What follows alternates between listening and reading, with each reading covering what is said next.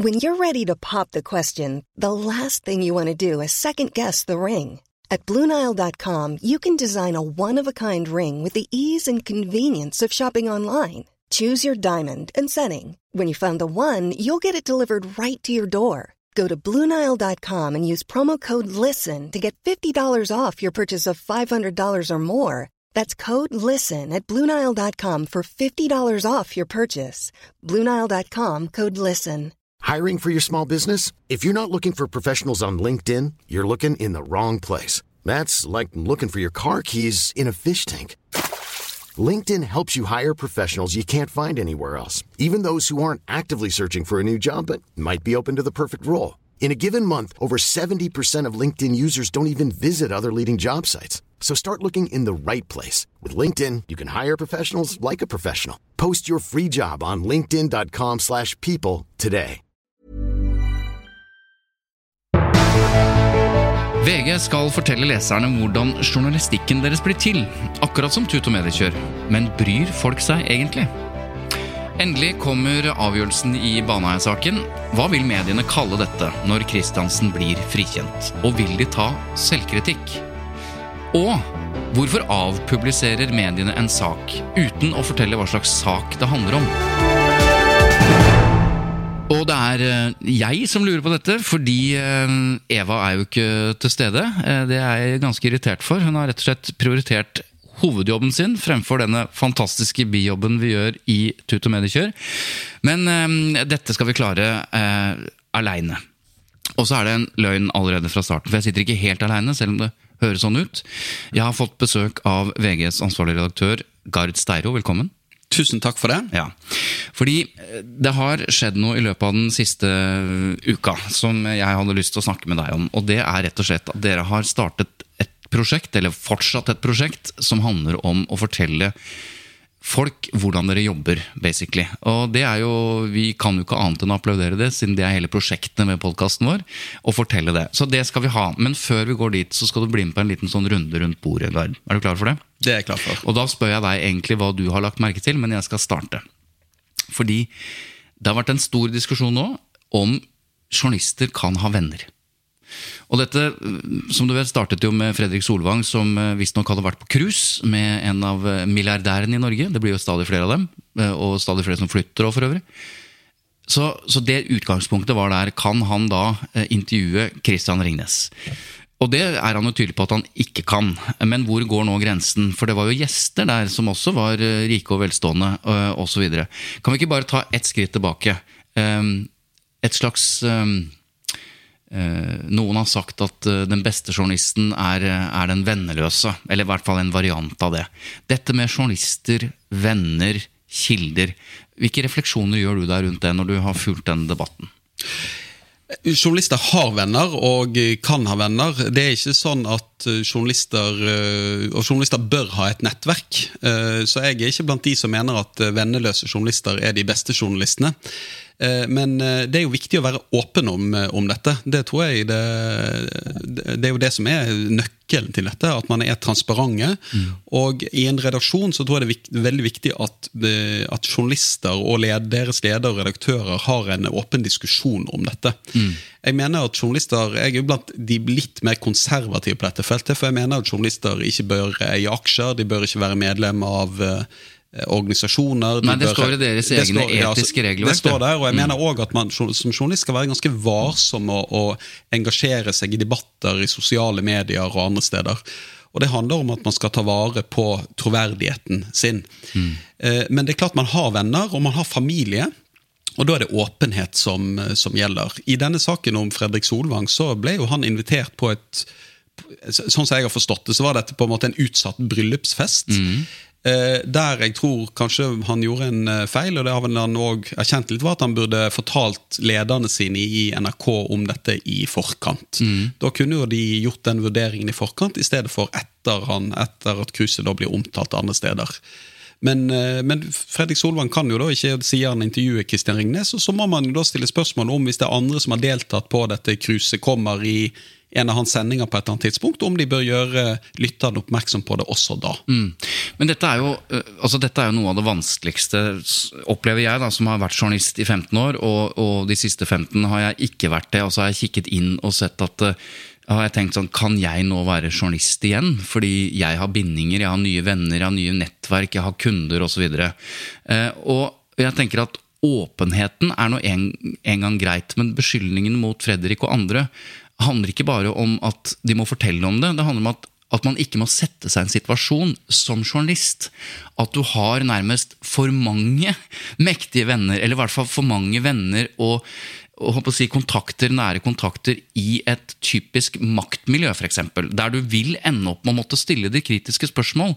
Og Norge er et lite land, og den, hvis kjenner du den ene milliardæren, så kjenner du antageligvis den andre. Så jeg syns det er vanskelig å Fordi troverdigheten vurderes jo ikke ut fra bare om du er åpen om det, men det faktum at du har det nettverket du har. Og, og den grensen syns jeg er litt sånn vanskelig, fordi som journalist så har man jo som hovedoppgave å stille kritiske spørsmål til, til mennesker og til makta. Og har man et for stort nettverk, og for nære liksom, Du kjenner på en måte hele makteliten i Norge, nærmest, fordi du er en del av den selv. Da kan det jo oppstå flere problemer som ikke kan løses ved åpenhet. da. Ja, og det er, en, uh, det er et godt poeng, og jeg tror jo en konsekvens av å være journalist er at du ikke kan ha venner i maktmiljøene. Jeg tror det må du begrense. Det, sier at det, vil, det kan oppstå, vennskap kan utvikle seg, og noen er jo i den situasjonen at de har familie med makt, og det er det jo vanskelig å gjøre noe med. Men jeg kan ta et eksempel. Jeg har blitt invitert hjem til eh, personer med makt. Altså De har invitert meg hjem til eh, i enten av et feiringer eller selskap eller noe sånt. Jeg politikk eller næringsliv? ja, ja, politikk eller næringsliv, der jeg helt bevisst har takket nei. For det, det, da mener jeg dette sklir over i en eh, Det kan skli over i en annen relasjon. Og det er, det er mange mennesker jeg treffer eh, på min vei så, har truffet på min vei som journalist og tenkt du er en person jeg godt kunne tenkt meg å ha vært venn med og gått og drukket øl med og hatt en relasjon til, men det kan jeg ikke gjøre. Både av, av hensyn til avisen jeg jobber i, av hensyn til min egen rolle, men òg av hensyn til vedkommende. Så mener jeg det er uheldig. Og da mener du, da, og det er jo en bekreftelse på det er min, i hvert fall min antakelse, da, at da må journalister og redaktører begrense seg De kan ikke bare være åpne om venneforholdet, de må begrense Man må ta noen bevisste valg, Nettopp. og man må forstå at det å, inn, det å få et vennskapsforhold, det å delta på en del arrangementer, kan få konsekvenser. Og i veldig mange sammenhenger så kan det jo føre til at du ikke kan dekke et område. Men hvis dette nett, hvis du da, la oss si at du er næringslivsjournalist, og du er venner eh, personlig venn med veldig mange næringslivsledere i Norge, så vil det til slutt bli så komplisert at du sannsynligvis ikke kan dekke det området engang. Altså det stoffområdet, at du må være journalist innenfor et annet stoffområde. Så, så som jeg sier, Det er en myte at journalister skal være venneløse. Jeg tror jo venner og et bredt kontaktnett er en styrke for en journalist. Og jeg mener òg at journalister må kunne ha en form for sosial omgang med eh, kildene sine. Men det å gå over og få et sånn nære venner innenfor de feltene du skriver om, det er uheldig. Ok. Eh, Det må være vår eh, felles refleksjon rundt eh, den vennløse journalisten og, og nettverket. Vi skal gå over til det som er grunnen til at jeg har invitert deg, Gard. Altså, VG skal nå snakke mer om, vise fram hvordan journalistikken blir til. Hvorfor dere tar ulike redaksjonelle valg, og, og hva slags regler dere jobber etter. I tillegg til Vær varsom-plakaten, da. Og hvilke feil dere gjør, ikke minst. Og vi har jo da i Tut og Mediekjør tidligere løftet frem VGs rettelogg. Gjort litt narr av den, for den er jo delvis komisk når man retter veldig små feil, og veldig viktig. Nå har dere tatt det liksom helt ut og lanserer nettsiden Slik jobber vi VG. Hvorfor har dere gjort det? Det er, en, eh, det er flere grunner til det, men min, jeg kan begynne på et litt overordnet nivå. Det er at mediene eh, krever transparens og åpenhet av alle andre virksomheter. Det er, og det mener jeg vi gjør rett i. eh, fordi at åpenhet bidrar til et, etter min mening til et bedre samfunn, og et samfunn der borgerne kan kikke de som har makt i kortene. Mediene sjøl er ikke blant de mest åpne bransjene. Det er et paradoks. Det må vi gjøre noe med, etter min mening. Så mener jeg at vi ligger litt etter i Norge. Jeg, eh, jeg ser amerikanske medier som har vært langt flinkere til å være åpne om rettelser og åpne om feil tidligere. Det har vi ligget litt etter i Norge, men har blitt noe mer åpne de siste årene om feilene våre. konsekvensen er da rettelogger som er komiske, eh, men det syns jeg er helt, eh, det er helt fine. Så har vi gjort en refleksjon. Dette var jo ikke noe vi bestemte oss for forrige uke, men vi har diskutert det ganske lenge. Det er at vi ser på spørsmålene vi får fra våre lesere. Og Leserne stiller ofte gode spørsmål om de veivalgene vi tar, og vi svarer de én til én, gjerne. Og Ja, være- hvem er det som svarer, da? ja, Da svarer jo enten journalister direkte, eller man svarer eh, på en mail. Man kan svare i disse direkte studioene man har liggende ute. Men litt for ofte så svarer vi i tut og mediekjør, eller til Medie24 eller til journalisten.no i saker som bare leses av journalister, eller først og fremst de veldig interesserte. Men leserne våre har mange av de samme spørsmålene, og ofte bedre spørsmål òg enn vi får av Medie24 og Tut og Mediekjør, der de lurer på de valgene vi tar. Og da tenker jeg at det at vi alle de diskusjonene som skjer i en redaksjon i hverdagen, for det at Når vi velger å identifisere noe, eller vi velger å ikke skrive om et eller annet, eller vi velger å gjøre en eller annen prioritering, så er jo det, det skjer jo pga. at man har hatt en diskusjon ofte. Den diskusjonen tror jeg må ut i offentligheten. Tror, og, hele, hele diskusjonen? Nei, men konklusjonen, iallfall. Og, og man kan òg, etter min mening, være mye åpnere om at det er argumenter for og mot i disse diskusjonene. Det slår meg jo at og Vi skal komme tilbake til liksom, hvordan det fungerer rent praktisk. Men det slår meg jo når vi ser åpne møter, videooverførte møter fra Pressens faglige utvalg, som ble jo standarden for en del år tilbake, så har det slått meg nettopp det. Hvorfor kan ikke mediene være åpne om sine vurderinger når Pressens faglige utvalg sitter helt konkret eh, og tilkjennegir sine egne etiske vurderinger, altså som medlemmer i Pressens faglige utvalg, som sier at jeg syns dette er vanskelig. Jeg faller nok litt med, jeg heller mot brudd, som de sier, hvis de mener at regelverket er brutt. Eller jeg tror dette er et godt argument for sånn og sånn. Altså De, de blottlegger på en måte sin egen etiske eh, vurderingsevne. øh, Og er åpne og faller ned på en konklusjon og kan bli kritisert for det. Men, og da har jeg tenkt nettopp det at hvis Pressens faglige utvalg eh, baserer seg på den type åpenhet om redaksjonelle eller i hvert fall etiske vurderinger av tidligere valgte redaksjonelle vurderinger, så bør jo alle mediene også kunne være, om ikke videooverføre redaksjonsmøtene sine, så i hvert fall like åpne. da. Jeg vet ikke om du ser den, om det er en sammenheng der? Ja, altså, jeg, Det har jo vært en diskusjon skal man, skal man videoføre møter i redaksjonen eller evalueringsmøter. Det tror jeg er umulig, for det er ting som sies i de møtene som der man må kunne ha en åpen diskusjon uten fare for at det kommer ut. Ja, men det har man i Pressens fagutvalg utvalg òg. det har man kan lukke, men, men det er god den diskusjonen Ja. man kan ta ut. Eh, Men jeg tror du må tenke på hvilken tradisjon mediene kommer fra i Norge. De kommer fra en tradisjon der mediene har hatt tungt for å erkjenne feil. Og man har ofte forsvart, etter min mening, også saker som det ikke har vært grunnlag for å, svare, for å forsvare, iallfall med tyngde. Dette handler jo òg om at journalistikk alltid blir utsatt for eh, press, og journalister blir utsatt for press. Og Da er det jo ofte redaktøren sin jobb å forsvare disse journalistene mot denne kritikken. Eh, og det, det er viktig, etter min mening, for det, det er mye av mediekritikken og kritikken som journalister er utsatt for, som er uriktig. Men samtidig tror jeg at tilliten er avhengig av at vi òg viser nyansene. At vi kan innrømme at, noe, at kritikerne har noen poenger. Og at vi kan erkjenne at de beslutningene vi tar er ganske kompliserte, og at det er argumenter for og mot. Så jeg er jo enig med deg i den at jeg tror at, at tilliten til journalistikken på lang sikt vil bli styrket hvis vi er mer åpne om at det er dilemmaer, og at det er gode argumenter for og mot, og at vi noen gang har tvilt oss fram til en avgjørelse. At den ikke er opplagt. Nettopp. Ba- Bare som et lite sidespor, Du nevnte dette med journalister som får kritikk, og så er det din jobb å å forsvare de, og det er et viktig prinsipp, fordi du har den redaksjonelle, eh, øverste redaksjonelle vurderingen. Men hvis jeg kan komme med et lite hjertesukk der jeg, Man sier ofte eh, at mediene har noe å gå på når det gjelder åpenhet, f.eks. Mediene har noe å gå på når det gjelder sånn, underforstått, bør bli bedre.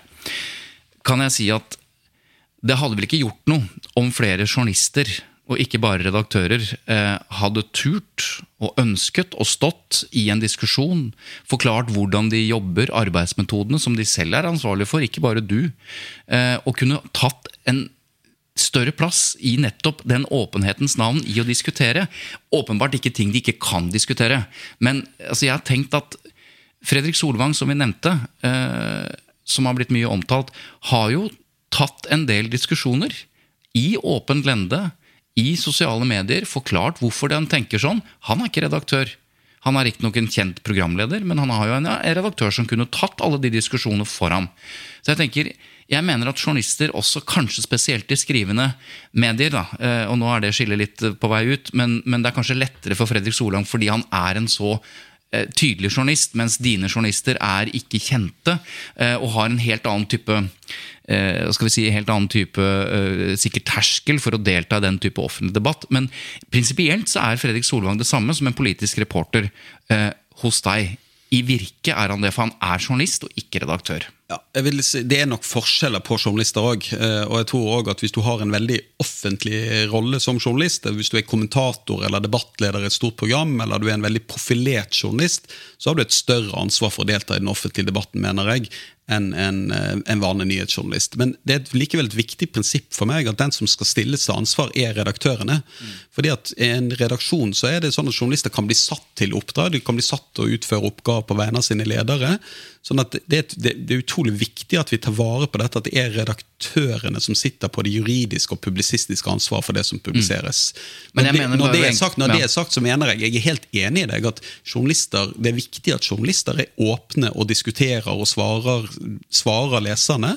Men det er denne med ansvarliggjøringen av den enkelte journalist jeg er opptatt av at det må vi være varsomme med. For det kan også føre til at journalister, uh, journalister blir uh, reddere, at de blir reddere for å gjøre feil og at, de da, og at de ikke klarer å være like kritiske som de bør være i en del mm. situasjoner.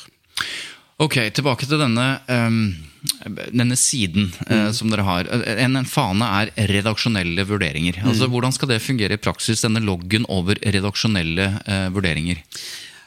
Målet vårt der er at vi skal publisere redaksjonelle vurderinger fortløpende. Uh, og det vi ønsker da er, Jeg kan ta et eksempel fra den siste uken, der vi valgte å identifisere den som nå er tiltalt for drapet på Birgitte Tengs. Ja. Der velger vi da å legge ut en kort begrunnelse for det i denne, i den, på denne siden.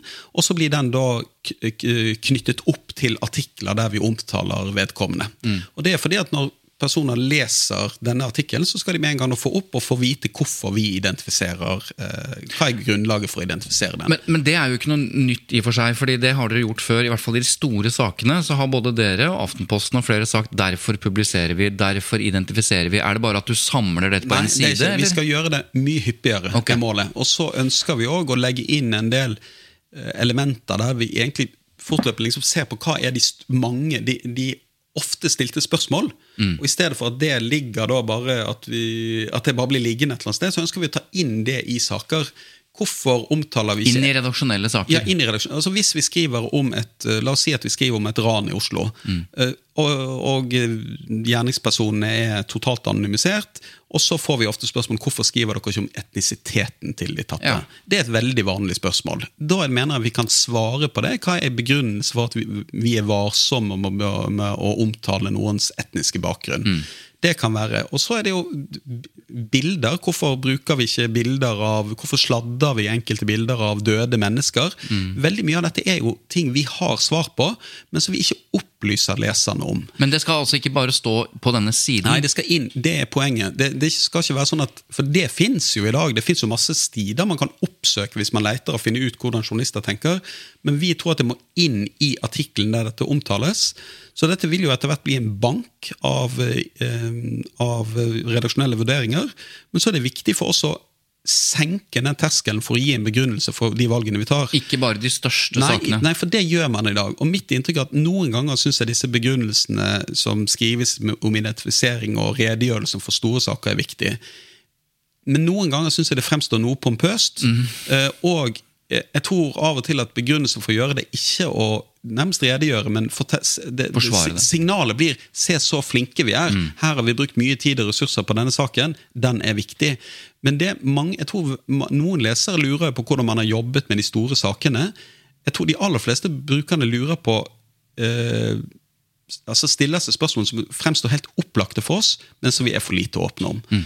Og jeg tror, jeg tror, Dette er jo ett ledd i denne åpenheten jeg mener er viktig å ha. Jeg mener Vi må være åpne om metodene våre, og så tror jeg det vil styrke tilliten til journalistikken om vi forteller da i en, i en helt vanlig nyhetssak. Sant? Hvorfor bruker vi et begrep, eller hvorfor, uh, hvorfor lar vi være å uh, omtale en person, eller hvorfor har vi gjort en eller annen prioritering? Det, det, jo, det tas jo titalls sånne beslutninger i redaksjonen hver dag, og vi kan være mye åpnere om dem. Og jeg hadde tenkt å, å, å stille et litt kritisk spørsmål om hvorfor dere gjemmer bort denne siden. Fordi når jeg prøvde å finne siden, eh, altså ikke bare lese om den og så klikke på lenken, men jeg gikk inn på vg.no, og da finner jeg ikke den siden. Og, og da, og da liksom, Hva er poenget med dette hvis, hvis, hvis, man ikke skal lett kunne komme til den? Det du nå sier, er at det, det skal lenkes denne siden kontinuerlig i artiklene? Ja, altså det, vi, tror, vi, altså vi, kommer til å ha den siden, og den kommer til å bli synlig. Det kommer til å bli lettere til å finne den når Ok. dette er jo ute. Men, men jeg, det er ikke det jeg ønsker. Jeg ønsker ikke at du, For det tror jeg er for veldig trente medielesere. At de går inn i en sånn ny struktur, så finner de denne siden, og så ser de opp og så sier de, aha, her får jeg jo svar på det. Jeg tror nøkkelen er at dette må ligge som elementer i artikkelen der temaet blir omtalt. For det er når du leser denne saken, du stiller deg det spørsmålet. Du tenker, jeg tror de færreste tenker at nå skal jeg gå inn i en annen side og slå opp dette for å se hvordan VG har tenkt. Det tror jeg ikke. Jeg tror det må inn i som elementer i artiklene. Eh, til slutt, før vi går videre og snakker om en helt konkret sak der dere antageligvis kommer til å forklare hvorfor dere gjør som dere gjør, eller har gjort som dere har gjort, eh, så, så lurer jeg på Dere er Norges største avis. Eh, dere gjør dette nå. Hvor lang tid tror du det tar før dette blir mer som en norm å regne? At flere gjør dette som dere gjør nå? Jeg vet ikke om det blir en norm, men jeg tror at uh, andre redaksjoner vil følge etter. Og jeg tror det kan skje ganske raskt, og jeg, øh, jeg mener det på overtid. Jeg mener at dette burde vi gjort uh, tidligere i norsk presse. Uh, og, og altså, Norsk presse har blitt, no, har blitt mer transparent i de siste årene. Men eh, om vi skal bevare den tilliten til norsk journalistikk, så tror jeg ikke publikum rett og slett vil godta at vi eh, opererer på en måte der vi ikke viser flere av kortene våre, begrunner flere av våre valg. Et eh, redaksjonelt valg som har, mange har stilt spørsmål ved i eh, den siste tida, siste uka. Vi har fått masse spørsmål om det i, eh, til redaksjonen. Eh, og det er altså at det plutselig ble borte en dramatisk sak fra medienes nettsider. Altså også borte fra selve arkivet. Den var avpublisert, som de sier. Det er mulig å finne spor av det når man, når man googler det. Men altså, nestlederen i en politisk organisasjon fortalte en gripende historie i forbindelse med skytingen ved London pub. At hun ble skutt. Og dette kunne vi lese om i Aftenposten, i eh, NRK, eh, flere store medier. Ikke VG. eh, Det skal vi komme tilbake til. Men så blir den bare avpublisert, fordi det åpenbart oppstår en, eh, en usikkerhet rundt faktaene i denne saken. Eh, Har det det blitt eh, altså Har hun blitt skutt? Er det bare at vi ikke har fått all informasjon? Er hun en del av de fornærmede? Osv. Så, så har man avpublisert. Men så er det flere som stiller spørsmål, deriblant politisk redaktør i- nettavisen Erik Stefansen, som skriver en kommentar om dette. En rekke norske medier gikk på limpinnen. Da kan vi ikke bare late som ingenting. For det er jo det følelsen man har. at man, her, her er det en eller annen sånn ja, men Vi vet jo ikke hvilken sak det gjelder, eller hvilken hvilke person det gjelder, hvis ikke vi kan lese det som har blitt borte fra selve arkivet.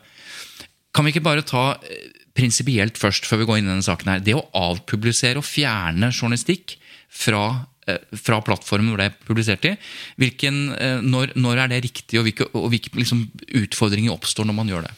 Som hovedregel skal du ikke gjøre det, mener jeg. Eh, Det, dette skjer jo ganske ofte i norske medier, at det dukker opp saker der det enten har vært feil, eller, eh, eller saker som har ligget en stund, som er en blitt stor belastning for de som er omtalt der. Eh, Ofte handler dette om folk som har gjort noe dumt i sin ungdom, og så mm, har de lyst til å få dette vekk. Eh, Og det man som regel gjør, da er å avindeksere. Det vil si at det ikke er googlebart lenger. Det er ofte noe vi gjør i saker som er vi vil si av triviell karakter. Vi gjør det aldri hvis det dreier seg om maktpersoner, eller sånne ting. Da må det være søkbart. Det å fjerne det fra arkiver er vi veldig restriktive med, og bør være restriktive med. Det man må gjøre hvis man har gjort noe feil, det er å la artikkelen ligge ute, men legge inn en rettelse i den, eller legge inn en informasjon til leseren om at dette senere har denne artikkelen vist seg å være uriktig, eller vi har gjort feil. Sånn at du er transparent om hva som har skjedd.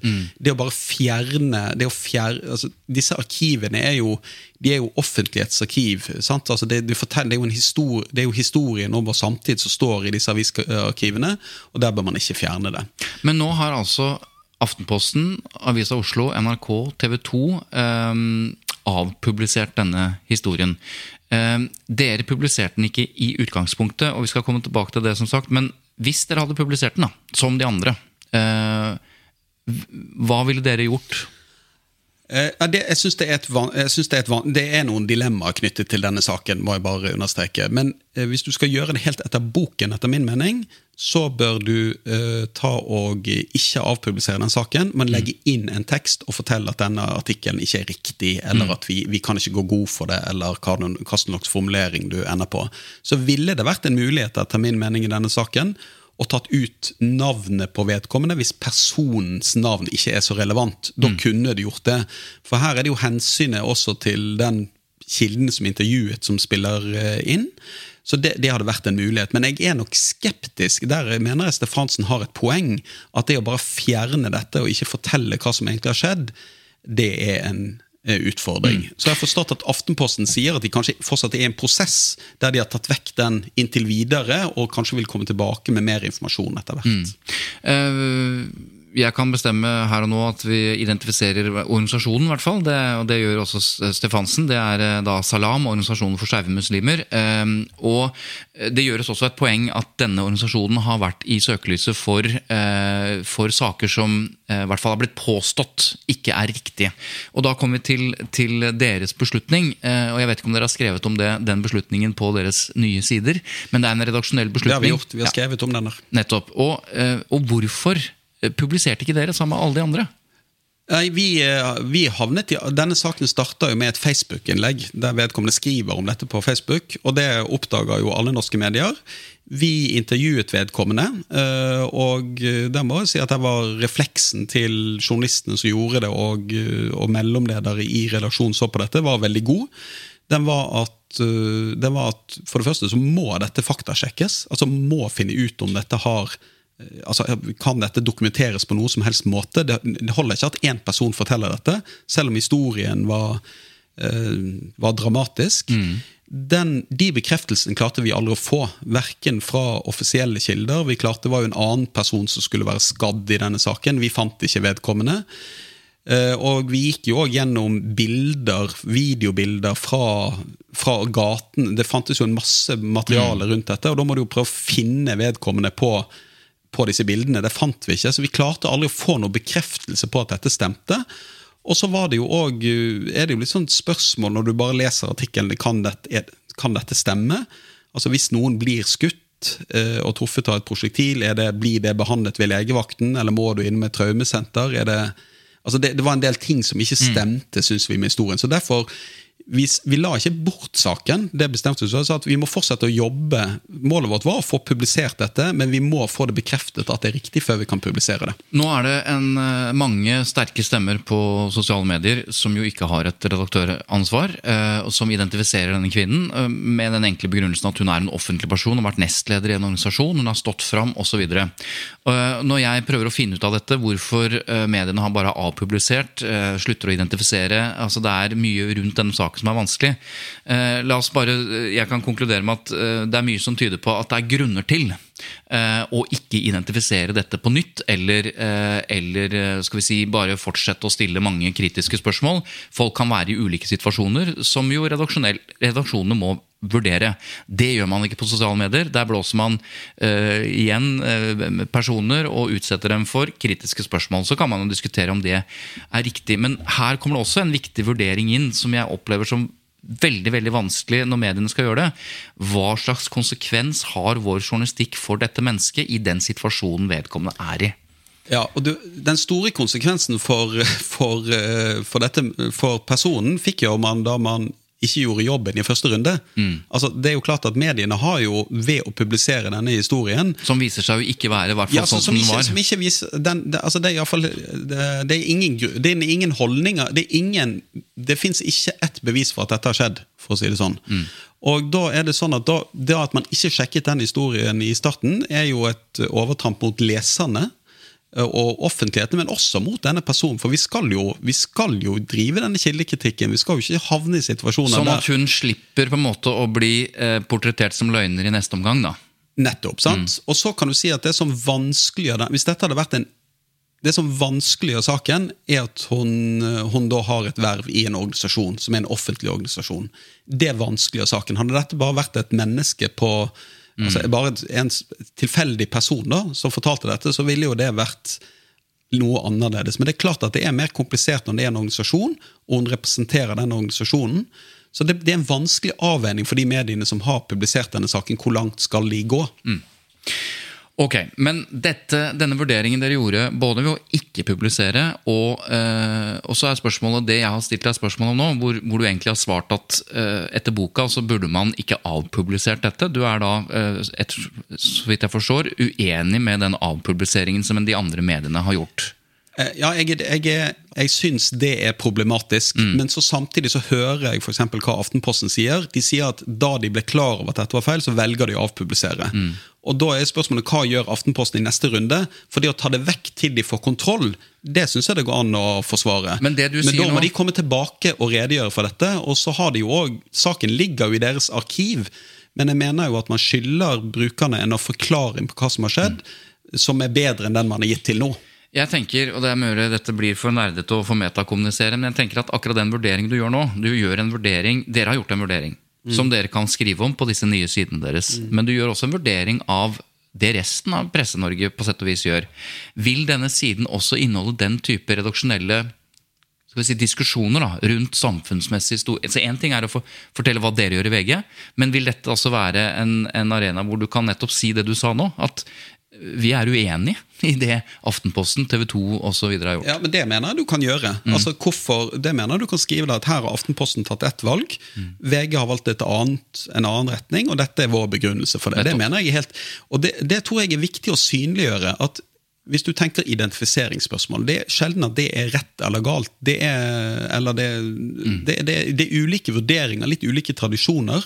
Og det å si at vi er uenig med Dagens Næringsliv eller TV 2 eller med med Aftenposten.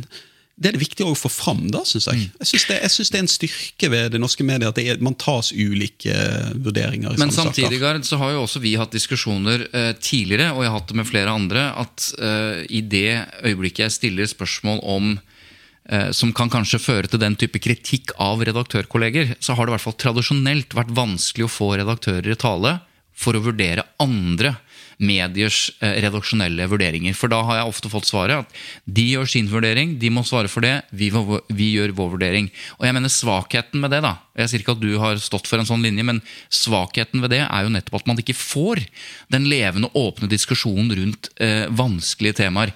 Jeg savner redaktører som går litt mer eh, ikke i strupen, for å bruke et tabloid uttrykk, men faktisk tør å ta tøffe diskusjoner i offentligheten, så man ser at den forbannede kompakte majoritet innenfor mediene eh, ikke tenker likt, ikke er, eh, gjør like vurderinger. Og i vårt, i vårt samfunn nå, når beskyldningene mot mainstream media er som de er, så må jo folk forstå at det er ja, Man ender opp kanskje med mye av de samme vurderingene fordi man følger den samme etikken, men allikevel ikke gjemme bort den mulige kraftige diskusjonen mellom redaktører.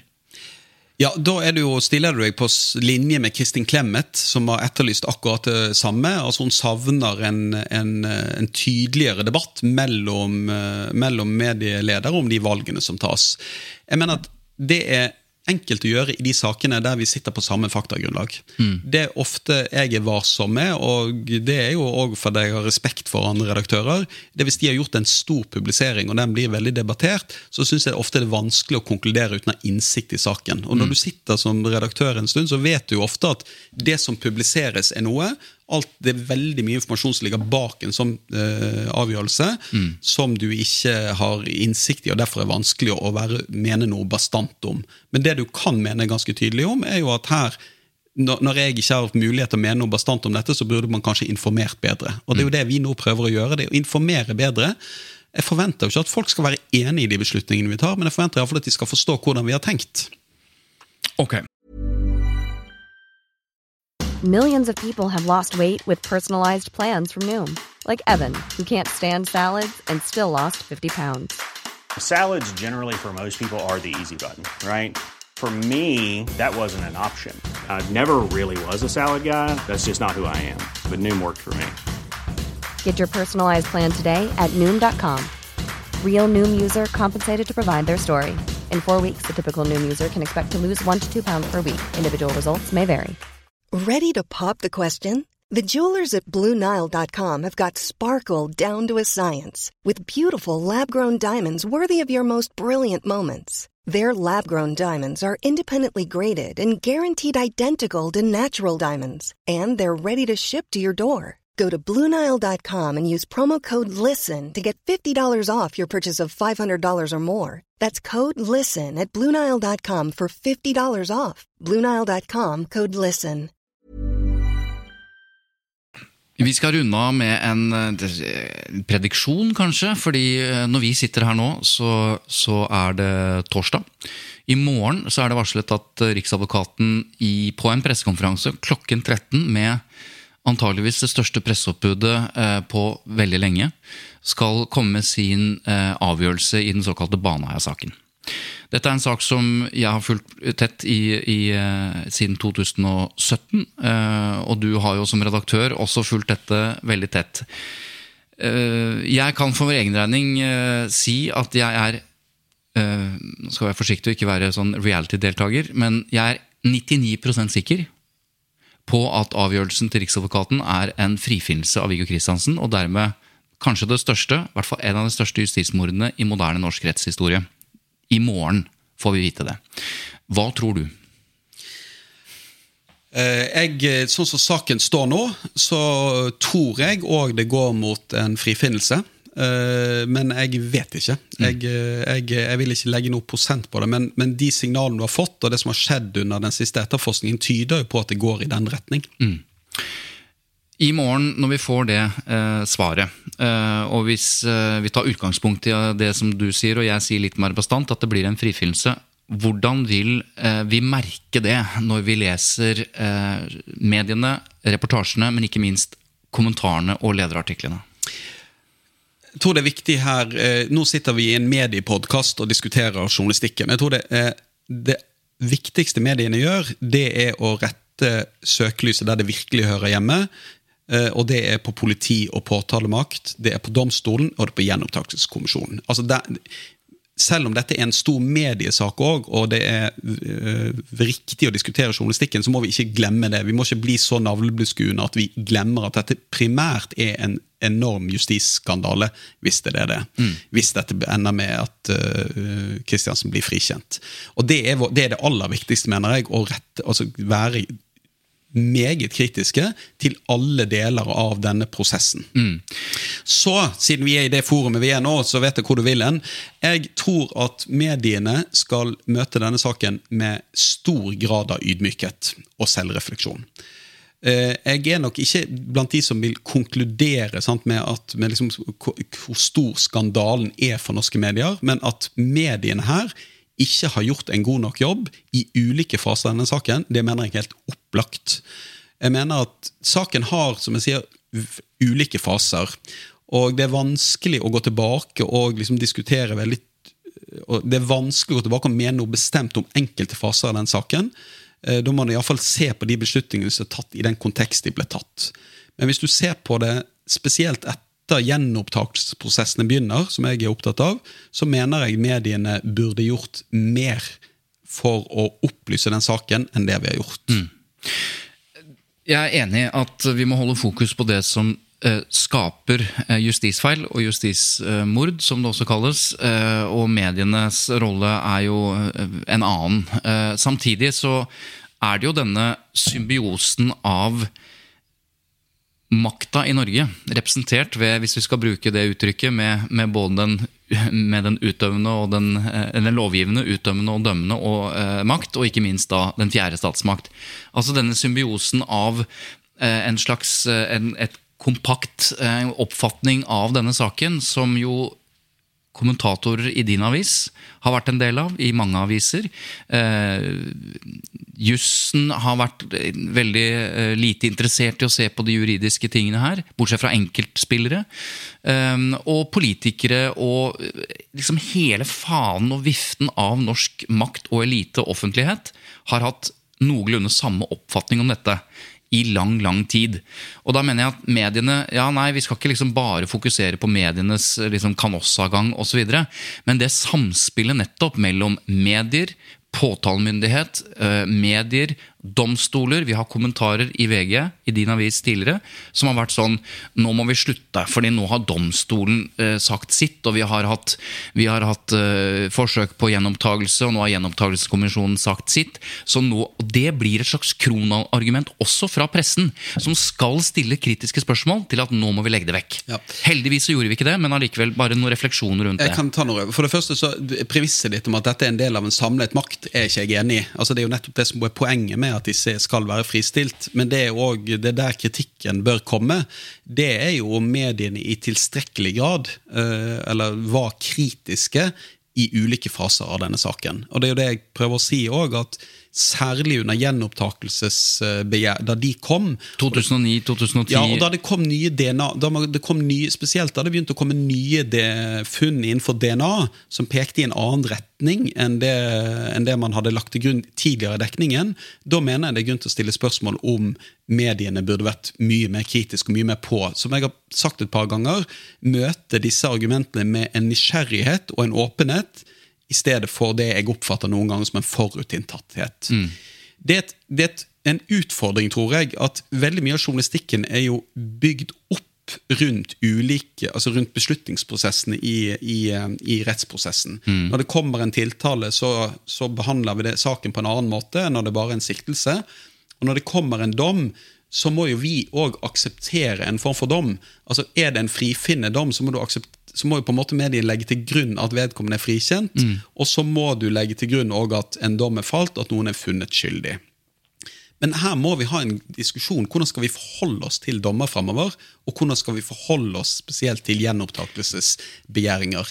For det jeg eh, tror vi Domstolene er jo ikke ufeilbarlige. Eh, Og da må eh, journalister òg i alle fall har evnet å drive kritisk journalistikk mot dommer på et eller annet på en eller annen måte. Og dette tror jeg vi i pressen må diskutere grundig. Hvordan skal vi forholde oss til det fremover? Ja, fordi, for jeg, er helt, jeg er jo enig med deg at det er Man må omtale saker eh, i tråd med prosessen i retten. Man, eh, som du sier, det går fra anmeldelse til eh, mistenkt til, eh, til sikta og tiltalt og dømt, og den er heller ikke rettskraftig når man anker osv. Og, og, og forholde seg til det. Og det å minne meg på at jeg skal komme tilbake til det helt mot slutten. Hvordan skal den frifinnelsen omtales hvis den kommer i morgen? Hva er Viggo Kristiansen da, foruten å være frikjent? Er han da helt uskyldig? Eh, er, er, altså, hvordan omtaler man dette? For Vi hører jo redaktører sier at jo, det er ikke bevist at han ikke har gjort det. Og så begynner en diskusjon som, som forpurrer det. til, nei, men Hvis du skal følge det, så må du legge til grunn. Du, må, du må legge til grunn at er du Det er jo det jeg prøver å si. at Det, det er jo det som er vi kan ikke, vi, Når noen er frikjent, så er de frikjent. Altså, da er de, de kan jo ha gjort kritikkverdige ting, og alt mulig, men de er frikjent. Men det, det er jo akkurat det som er utfordringen her, at vi kan jo ikke begynne i en situasjon der noen blir blir eh, funnet eh, Noen blir frikjent i retten, da, og så sier, begynner medien etterpå å liksom ikke forholde seg til dette. Nei, det det Så dette- mitt. dette, dette er poenget, men det går i begge retninger. Ja. Men mitt poeng der jeg, det, det jeg mener om mediedekningen av Baneheia For det første mener jeg at du må, du, man kan ikke si mediene og eh, samlet sett. For det har blitt gjort ulike vurderinger i ulike mediehus i ulike uh, perioder. Noe har vært riktig, og noe har vært god journalistikk i perioder. Noe har vært kommentarartikler som ikke burde vært skrevet. Og noe har vært riktig, og noe er kanskje dypt kritikkverdig. Men det er jo ofte også et spørsmål om hvilke saker ikke er skrevet. Ikke bare det som er publisert, men hvilke saker burde man kanskje skrevet, og på hvilket tidspunkt burde man skrevet det. Min oppfordring da til eh, mediene, for å bruke samlebetegnelsen, vil jo være at, og det, du var litt inne på det, selvfølgelig må lederartikler, kommentarer, omtaler av rettsprosesser som er avsluttet i retten, omtales deretter. Poenget her, og læringen fra Baneheim-saken, må jo være at man må ikke slutte å drive journalistikk på saker som er ferdig i retten. Hvis du får opplysninger som du fikk i Baneheia-saken på ulike tidspunkt, i 2009, i 2010, ved boka til Bjørn Olav Jahr, så får du opplysninger som ikke stemmer med den vedtatte sannheten og den dommen. Og da skal man ikke begynne å skrive lederartikler om at Viggo Kristiansen muligens er uskyldig, kanskje, med det første, men man må jo tørre å være kritisk og drive eh, nysgjerrig journalistikk på den, de opplysningene man har. Og der mener jeg det må være forskjellen på før og fremtiden. At man driver kritisk journalistikk selv om sakene er såkalt avgjort for femte, sjette, sjuende gang. Men dette er jeg helt enig i, og dette syns jeg kanskje er det aller viktigste poenget. Det er at vi vet at det tas Vi vet at politi og påtalemyndighet gjør feil. Vi vet òg at domstoler noen ganger tar uriktige beslutninger når det, er, når det er kommet en dom, frifinnende eller fellende, så må vi forholde oss til den, og det har noe med måten vi skriver om denne saken på, og omtaler den. Men vi må fortsette å drive kritisk journalistikk, og vi må møte nye argumenter og nye opplysninger med nysgjerrighet. Og det mener jeg er, det er da vi oppfyller vårt samfunnsoppdrag. Det er da vi går inn og er en viktig del av rettsstaten. Det er når vi utfordrer og stiller kritiske spørsmål. Og der må, vi jo, der må jeg si at jeg er jo Bjørn Olav Jahr. Han fortjener all mulig honnør for arbeidet det han gjorde. Dette kunne jo en annen redaksjon gjort i en eller annen form, men det var han som gjorde det, og det var viktig, mm. tror jeg. At han, en journalist gjorde dette, og at vi da fikk et nytt lys, mener jeg, på Baneheia. Selv om mye av det Bjørn Olav Jahr skriver om i boken sin, egentlig var kjent. Mye av det var kjent. Og så vet jo både du og jeg at da den boka kom, og etterdønningen etter den boka, eh, det var i, i redaksjonelle miljøer var stillhet. Det var ikke mye av den boka som ble lest og tatt på alvor. Diskusjoner rundt Bjørn Olav Jahrs fantastisk viktige bok var litt metodebruk eh, og osv. Men i 2017 så var jo frustrasjonen hans at ikke flere så hva som sto i den boka, og forholdt seg til det. Eh, og det mener jeg er en, en av de, ja, bør være en av de viktigste erkjennelsene også i lys av det vi snakker om nå. At når det kommer opplysninger, eh, så, så må man ta tak i det, altså, rett og slett. Ja, men det er det jeg sier, at jeg tror du skal det var, jo, det, var jo, det var jo, Måten den boken var løst på, var jo verdt å diskutere. altså det er vel klart at Han gikk jo hardt ut mot Jan Helge Andersen i den boken. sant? Og Det er jo verdt, er jo verdt å diskutere det, mener jeg. jo, men Det er jo ikke viktig i det store nei, bildet. Det er jeg enig men, men at det skaper òg en debatt, det syns jeg er helt riktig. Men du har jo rett i det at i den boken var først og fremst, mener jeg, så uh, burde den føre til en debatt om man hadde tatt feil i Baneheia-saken.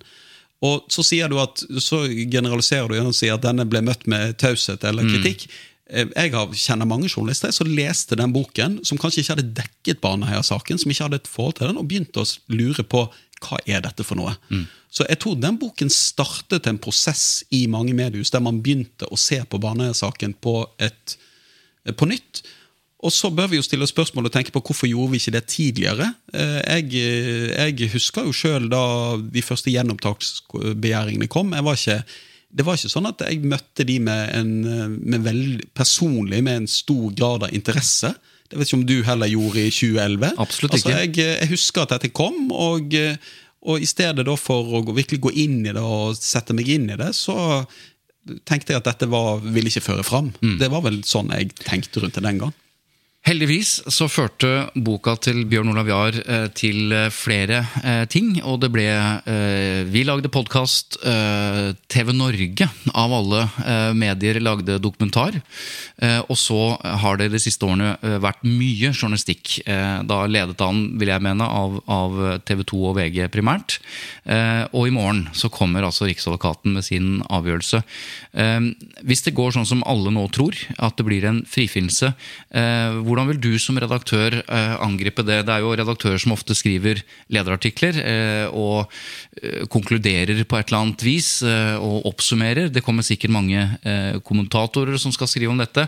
Hvordan vil du forholde deg til en eventuell frifinnelse i morgen som redaktør av Norges største avis? Nei, For det første så vil jeg da, som jeg sier, jeg tror det er viktig at det, mitt, det viktigste vi gjør, det er å rette et kritisk søkelys mot de som er ansvarlig for dette. Det gjelder gjenopptakskommisjonen, som jeg mener må dekkes mye grundigere framover. Det har denne saken vist. Og det gjelder politiet, og det gjelder påtalemakten og domstolen. Og så tror jeg, som vi har snakket om tidligere, jeg og VG må være åpne om at vi i denne saken, som jeg har sagt flere ganger, ikke har gjort en god nok jobb. Det må, det må, vi være åpne om. og Erkjenner vi ikke det i en sak når det er blitt gått et justismord, så, det, så tror jeg vi mister tillit. Mm. Så Da må vi være åpne om det, erkjenne det. Så skal jeg være varsom og konkludere for bransjen som helhet. Jeg tror at det er viktig at dette gjøres at dette fører til grundige diskusjoner i alle mediehus, den har for lengst begynt i VG. Eh, og det tror jeg går foregår i andre redaksjoner, der man diskuterer hva kunne vi gjort annerledes i ulike faser av denne saken. Når tok vi feil? Hvorfor reagerte vi ikke på ulike opplysninger? Og er det saker når vi ser tilbake i tiden som vi aldri burde publisert? Vi får jo ikke gjort dette på nytt igjen. Vi klarer, dette er jo historien, men vår fordømte plikt er jo å lære av denne saken og unngå at noe lignende kan skje igjen. Iallfall at vi ikke da havner i en situasjon der mediene svikter i en sak av denne karakter. Det var et fint siste ord, så det er signert eh, ansvarlig redaktør i VG, Gard Steiro. Takk for at du kom. Uh, takk til Tut og Mediekjør, og ta takk Ja vel? Ja, nå kommer du. Ja, beklager. Jeg rakk det ikke før nå. Nei, jeg ser det. Men uh, har dere Hei, Gard. Hei, hei. Har dere klart dere bra?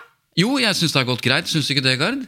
Jo, jeg syns det har vært interessant, jeg. Ja, eh, absolutt. Men, eh, men skal du si unnskyld, eller skal du si, hva skal du si eh, til lytterne våre? Ja, føler ikke at jeg trenger å si unnskyld for at jeg gjør jobben min, men eh, ja, beklager at jeg prioriterte dere bort akkurat i dag. Det skal forhåpentligvis ikke skje igjen. Vi takker Tut og Mediekjør, eh, nei, dvs. si vi takker Lyder Produksjoner, som produserer Tut og Mediekjør, og vi høres igjen eh, mest sannsynlig neste uke, da. Ja. Ok. Takk for nå.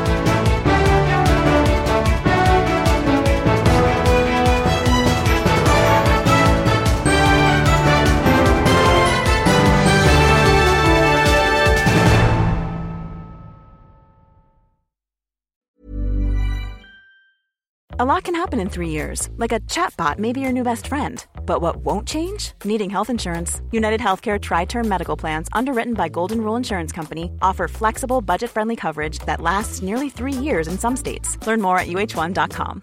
When you make decisions for your company, you look for the no brainers. And if you have a lot of mailing to do, stamps.com is the ultimate no brainer. It streamlines your processes to make your business more efficient, which makes you less busy.